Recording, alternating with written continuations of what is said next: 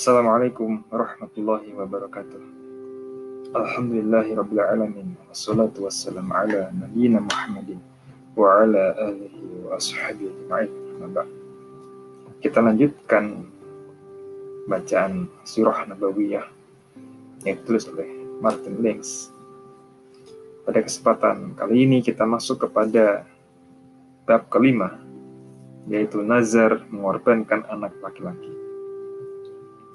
Abdul Muthalib disegani oleh kaum Quraisy atas ketermawanan, kemampuan, dan kebijaksanaannya. Ia juga berwajah tampan dengan penampilan yang berwibawa. Kekayaannya menjadi salah satu pendukung semua keberuntungannya, dan kini ditambah lagi oleh kehormatan sebagai orang yang berhak merestorasi Zam-Zam. Ia sangat bersyukur atas segala yang Allah berikan kepadanya. Jiwanya masih belum tenang ketika membayangkan suatu saat nanti ia harus berhenti menggali sumber zam-zam. Selama ini segalanya berjalan baik-baik saja, Alhamdulillah. Namun, baru kali ini ia merasa sangat miskin karena hanya memiliki seorang anak laki-laki.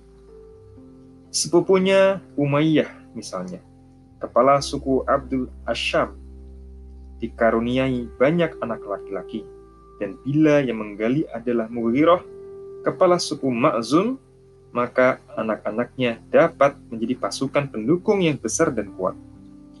Tetapi, ia sendiri, meskipun memiliki banyak istri, hanya mempunyai seorang anak laki-laki yang akan meneruskannya.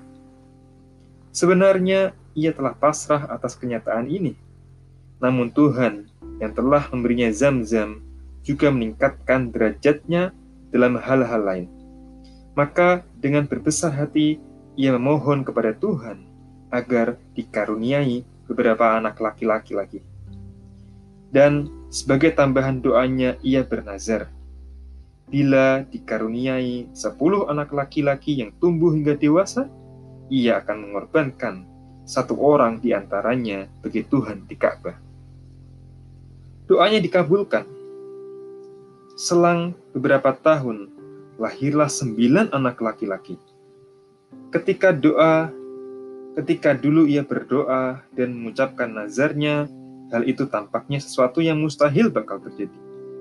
Namun, ketika menjadi kenyataan dan semua putranya telah tumbuh dewasa, kecuali sang bungsu Abdullah, maka nazar itu menghantui dirinya.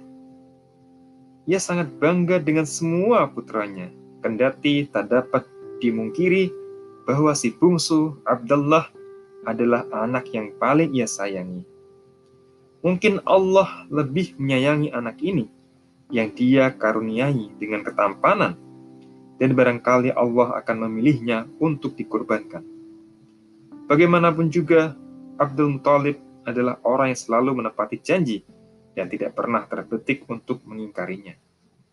Ia juga orang yang sangat adil dan penuh rasa tanggung jawab, yang berarti ia harus menjalankan nazarnya itu.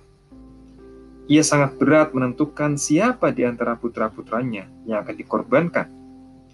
Maka tak lama setelah Abdullah menginjak dewasa, ia mengumpulkan seluruh putranya. Ia menyampaikan perjanjiannya dengan Tuhan dan meminta mereka mendukung pelaksanaan nazarnya. Mereka tak punya pilihan lain kecuali setuju. Janji ayahnya adalah janji mereka juga. Lalu mereka bertanya, apa yang harus mereka lakukan? Ia menyuruh mereka membuat nama atau tanda pada anak panah masing-masing. Sementara itu, ia mengundang pengudi panah resmi Quraisy untuk hadir di Ka'bah. Kemudian, ia menyuruh semua putranya untuk memasuki rumah suci itu. Ia pun menyampaikan keperluannya kepada pengundi panah itu berkenaan dengan nazarnya. Setiap anak menyerahkan anak panahnya, dan Abdul Muthalib berdiri menjadi saksi di sebelah Hubal, mengeluarkan sebilah pisau besar dengan menyebut nama Allah. Kumpulan anak panah itu diundi, dan anak panah Abdullah yang keluar. Ayahnya pun menggandengnya sambil menggenggam pisau besar tadi. Ia menuntun putranya itu ke pintu, langsung menuju tempat pengorbanan. seolah-olah tak mau berpikir panjang lagi. Abdul Muthalib tidak memperhitungkan istri-istrinya, khususnya ibu Abdullah, yakni Fatimah. Istri-istrinya yang berasal, istri-istrinya yang lain berasal dari suku-suku luar dan hampir tidak memiliki pengaruh di Mekah. Namun, Fatimah adalah wanita Quraisy dari Bani Makhzum yang kuat, dan dari pihak ibu ia keturunan Abdul, salah satu putra Kushai Seluruh keluarganya saling berdekatan, selalu menjaga dan siap dan, dan siap sedia membantunya jika diperlukan.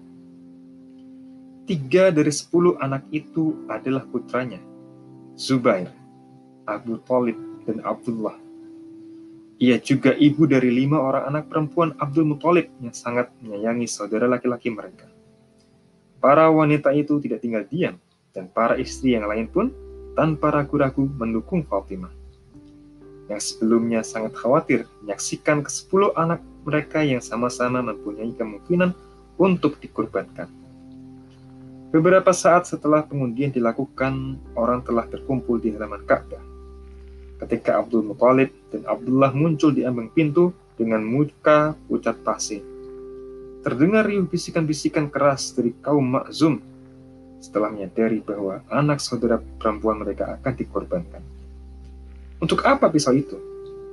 Tanya seseorang di antara mereka. Meskipun mereka telah tahu jawabannya, Abdul Muthalib mulai menjelaskan nazarnya, namun segera dipotong oleh Mughirah, kepala suku Makhzum. Jangan korbankan dia. Kita akan mencari gantinya, walaupun penggantinya adalah seluruh kekayaan Makhzum. Pada saat itu, saudara-saudara Abdullah sudah keluar dari Ka'bah. Tadinya tak seorang pun dari mereka yang angkat bicara. Namun kini mereka memohon kepada ayahnya agar Abdullah dibiarkan hidup dan diganti dengan persembahan yang lain. Tak seorang pun dari orang-orang yang hadir saat itu berbeda pendapat. Dan Abdul Talib terus dibujuk agar membiarkan anaknya itu hidup. Tapi ia masih ragu. Akhirnya, ia setuju untuk mengonsultasikan masalah ini kepada seorang wanita bijak di Yathrib yang dapat memberikan saran apakah persembahan lain dapat menggantikan putranya dan dalam bentuk apa. Bersama Abdullah dan satu atau dua putranya yang lain, Abdul Muthalib pergi ke negeri kelahirannya itu dan hanya mendapat kabar bahwa wanita bijak itu sudah pergi ke Khaybar, pusat permukiman Yahudi yang kaya raya satu daerah subur kira-kira 160 km sebelah utara Yathrib.